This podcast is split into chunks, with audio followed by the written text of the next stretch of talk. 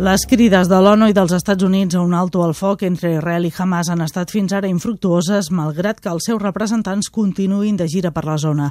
El balanç de víctimes de l'operació israeliana a Gaza continua pujant, més de 630 morts segons els palestins, i a més a més l'alerta també augmenta. L'últim episodi, la cancel·lació de vols a Tel Aviv que han decidit nombroses companyies aèries després que un míssil impactés a prop del principal aeroport d'aquesta ciutat. Enviada especial a Jerusalem, Maria Alba Gilabert. Els Estats Units continuen pressionant el moviment palestí-Hamas perquè accepti una treva sense condicions.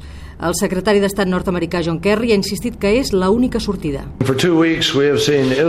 Durant dues setmanes hem vist una resposta d'Israel com la que hauria tingut qualsevol altre país si l'ataquen. Donem suport al dret d'Israel d'autodefensa. Mentrestant, el nombre de morts palestins continua creixent i també el d'israelians fins a xifres que, tot i no ser elevades, no es veien des de feia molts anys. La manera com Hamas està responent ha sorprès i també l'abast d'alguns dels seus projectils, com el que aquest dimarts ha impactat prop de l'aeroport de Ben Gurion a Tel Aviv. El fet ha estat àmpliament recollit pels mitjans de comunicació locals, tot i que no ha fet danys personals, per la seva excepcionalitat i per les conseqüències que ha tingut, la suspensió de vols de moltes companyies estrangeres durant les pròximes 24 o 36 hores.